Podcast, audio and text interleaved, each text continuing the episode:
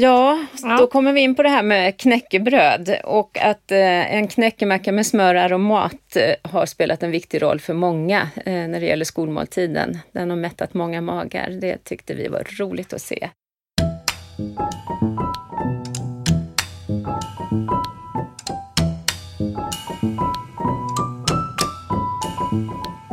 Välkommen till Matarvspodden. I denna serie pratar vi om mat som kulturarv. Jag, Lisa Häger, möter olika författare som alla är med i antologin Matarv. Berättelser om mat som kulturarv. Hej och välkomna Cecilia Magnusson Sporre. Hej. Och Hillevi Prell. Hej. Och ni båda är lektorer i kostvetenskap vid institutionen för kost och idrottskunskap. Det stämmer bra. Mm. Och ni har tittat lite på skolmat.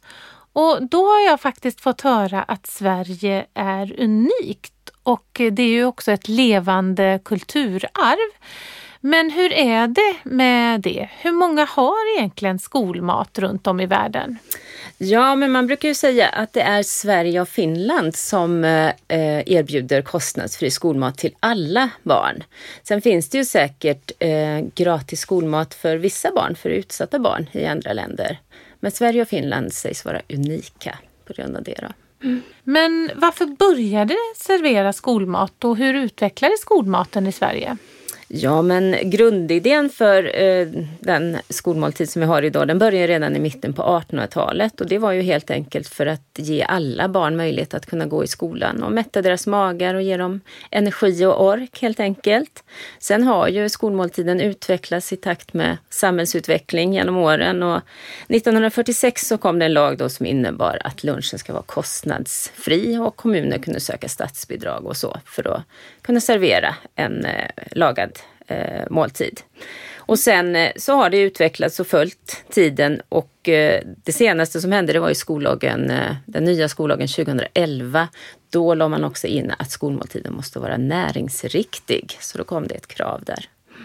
Ja, mm. Både mätta magen och vara näringsriktig. Exakt. Mm. Men hur var det, fanns det flera syften med att börja med, introducera det här med att servera skolmat i skolan?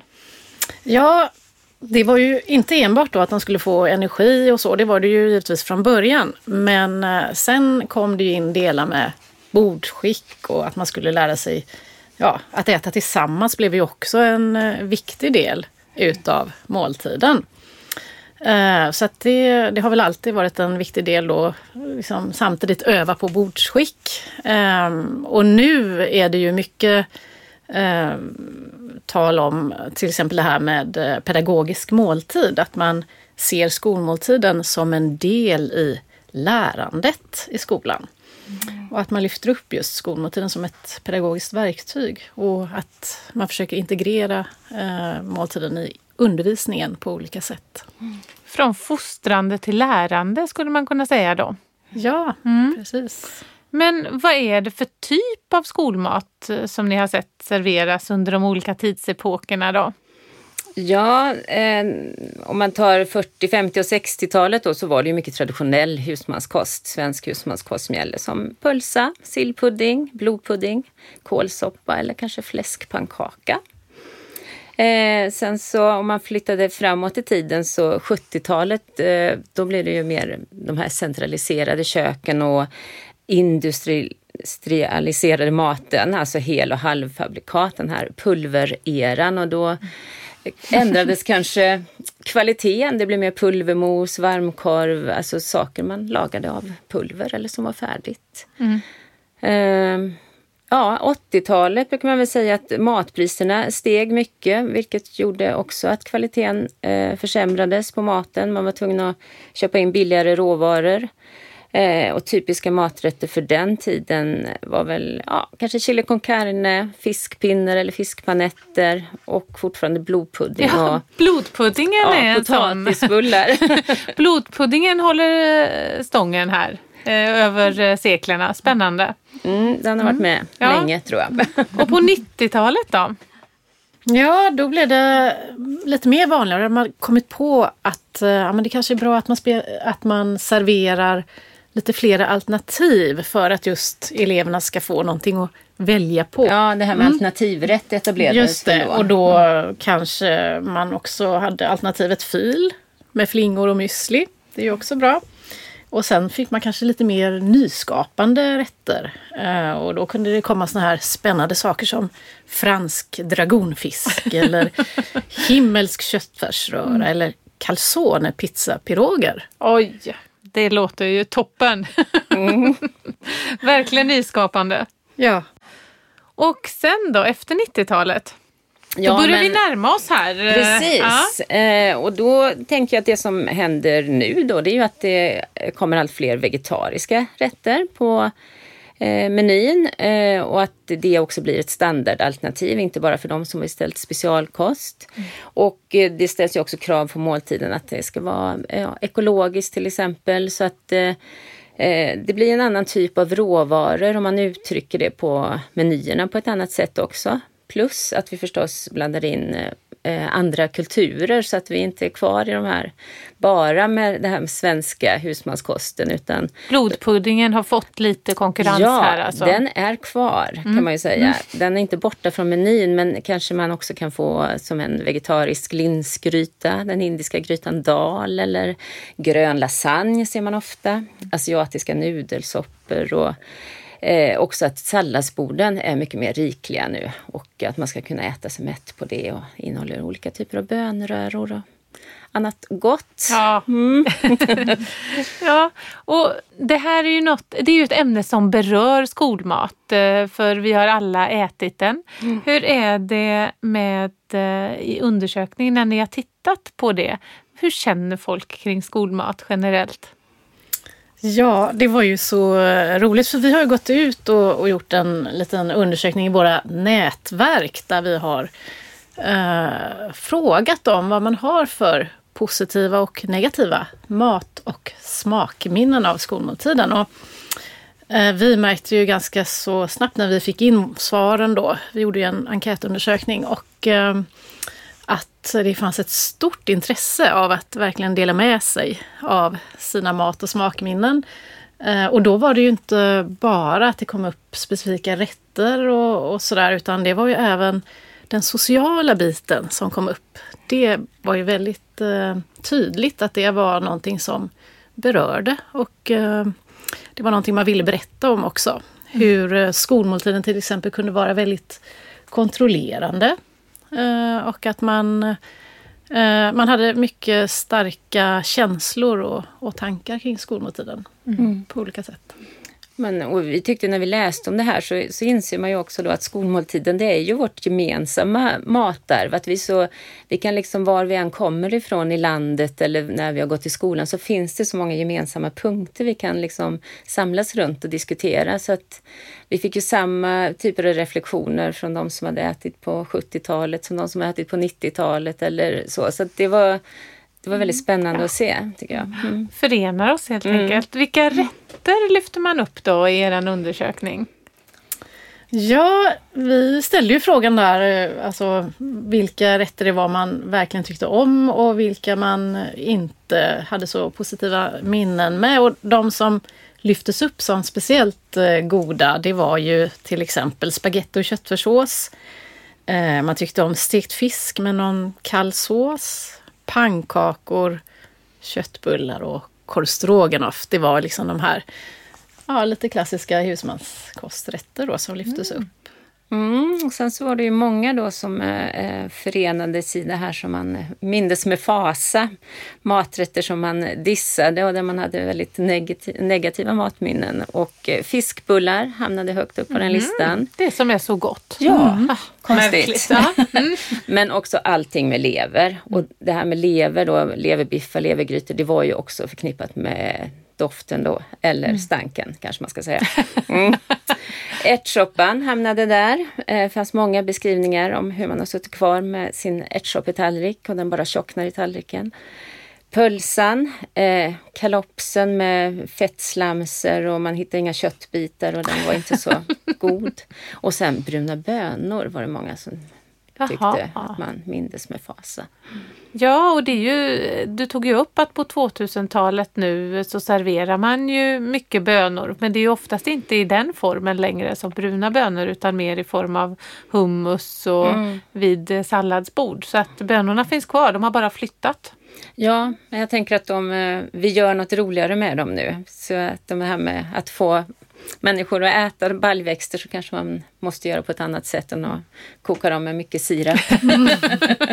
ja, sant. Mm. Men är skolmaten en, en temperaturmätare på hur maten förändras i samhället? Ja, eh, det skulle vi nog eh, vilja säga för att eh, i vår undersökning så tyckte vi ändå att vi ganska tydligt kunde se att tidens anda har speglats genom de måltider som serverades. Uh, ja, allt från traditionell husmanskost som pölsa och sillpudding via då, som uh, vi pratade om förut, pulvermos och korv till just de här dagens menyer som då har lite mer internationella influenser och växtbaserade inslag. Mm. Som till exempel chili sin carne eller ja, jag tänker också att den här valmöjligheten som finns idag i skolmåltiden, det är också något vi är så vana med att kunna få välja och att vi äter olika på grund av ja, men matpreferenser, kultur, medicinska mm. skäl. Och den, den växer ju bara skolmåltiden. Det finns så många alternativ idag mot vad det var förut. Ja. Och ni är ju kopplade till Göteborgs universitet och vi sitter här i Göteborg så därför måste vi ta upp frågan eh, Bamba är ju någonting som vi kallar skolmatsalen i Göteborg. Och vad betyder det? Ja, bamba är väl ett typiskt göteborgskt eh, uttryck. Eh, det kommer från ordet barnmatsalsbespisning och det är ju väldigt eh, lokalt förankrat här i Göteborg. Det finns också dock någon eh, story som säger att det, i Kiruna, i trakterna kring där, använder man bamba också. Och man tror att det beror på att det har varit någon kostchef eller kostekonom här från Göteborg som har infört det ah. uttrycket där. Eh, och på andra ställen i Sverige så säger man ju inte bamba utan man säger kanske bara matsal eller lite mer eh, slanguttryck matan eller matis. Det är säkert många som känner igen. Mm. Kan ni se ett mönster när det gäller skolmat? Ja, det var ju olika saker som lyftes upp där. Till exempel bland det man verkligen tyckte om. Man kunde se skolmaten som någon slags comfort food. Alltså man beskriver maträtterna som de beskrivs med kärlek och längtan på olika sätt. Att det var krämigt, mjukt och gott. Och ja, att maten gav någon slags känsla av välbehag. Till exempel de stuvade eller kokta makaronerna. De var liksom stora, mjuka och lite geggiga och goda tyckte man. Så det beskrivs som positiva matminnen. Allt med vit sås smakade bra. Jaha, alltså fina beskrivningar av maten helt enkelt. Ja, precis. Det var ju liksom, man blev lite sugen själv. ja. Ja, men ett annat mönster som vi såg återkommande, det var ju den heta potatisen, skolans potatis. Där fanns det många tankar och eh, idéer. Eh, och eh, det som jag tyckte var intressant var att några beskrev den här potatisen med skal på. Då tänkte jag förstås att det var en potatis med skal, men med skal så menar man den här torkade hinnan som blir när man varmhåller potatisen. Så det beskrevs eh, också då med det här blöta, lite otäcka eh, mitten på den och så det hårda, sega skalet. Mm. Eh, inte så mycket positivt kring potatisen potatis som annars är ett svenskt kulturarv eller matkulturarv. Så att, eh, ja, det är väl eh, intressant att det återkommer även i skolmatsammanhang. Mm. Mm. Ja, så fanns det också maträtter som det rådde delade meningar om, som exempelvis blodpudding. För antingen älskade man den eller så hatade man den.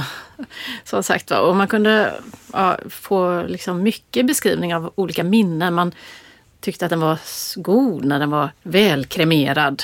Eh, och för att det var ju liksom inte mjukt och blodigt. Men, och andra tyckte att ja, men det smakade som, eller det var ju som gamla skosulor. Eh, så så det, mm. det fanns ju olika beskrivningar där. Hur är det med miljön kring skolmat då? Hur beskriver man miljön?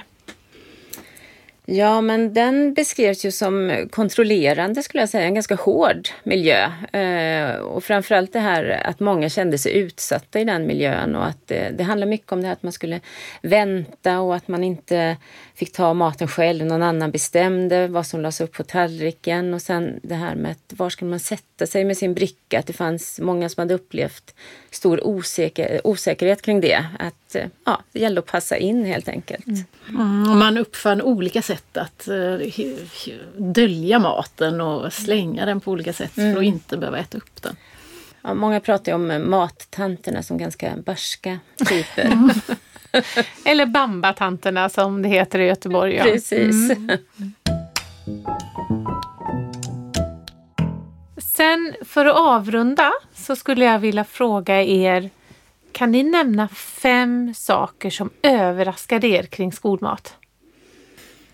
Ja, framförallt så tyckte vi att vi eh, såg faktiskt också att de hade väldigt många positiva matminnen. Mer eh, positiva matminnen och smakminnen än vi förväntade.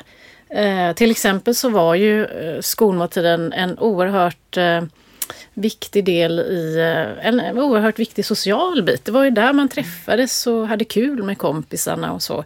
Och ehm, ja, precis. Mm. Och, och sen en annan sak som förvånade, det var ju faktiskt att många eh, nämnde att skolmåltiden var det enda eh, lagade mål mat som de faktiskt åt under dagen. Så att eh, där ser man ju också skolmåltidens betydelse mm. i en eh, utjämnande del så att säga. Mm, och samtidigt då så var det också många som eh, vittnade om olika kreativa lösningar för att slippa äta upp och hur man skulle gömma maten. För man fick ju inte lov att kasta maten. Eh, så att det, det är liksom två sidor av samma mynt där tänker jag. De som verkligen behövde det och de som också eh, jobbade hårt för att göra sig av med sin lunch och inte äta upp. Och sen tycker jag att det här att många vittnade om den här sociala kontrollen, alltså både från personalen som jobbade i matsalen men också från kamrater. Det här att, att man var väldigt utsatt på många sätt, att man skulle stå i kö, stå på led och vänta och var skulle man sitta någonstans och var platsade man in och så. Ja, det var ju någon som berättade också att det var väldigt viktigt beroende på vilken sida man bredde smör på knäckebrödsmackan. Mm. När hon bytte skola mm. så var hon tvungen att bre smör på andra sidan. Ja, då kommer vi in på det här med knäckebröd och att eh, en knäckemacka med smör och aromat eh, har spelat en viktig roll för många eh, när det gäller skolmåltiden. Den har mättat många magar. Det tyckte vi var roligt att se. Ja men spännande! Mm. Knäckebröd med aromat mm. till lunch helt enkelt. Ja. Då vill jag tacka er så mycket för att ni kom hit till Matarvspodden och pratade med mig. Mm. Och och eh, som sagt, glöm inte att äta upp er skolmat. Vi lovar. Mm. tack, tack, så mycket. Tack så mycket. tack så mycket.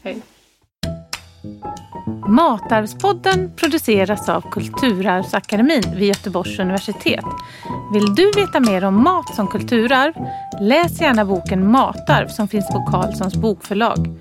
Och vill du veta mer om Kulturarvsakademin? Sök på webben.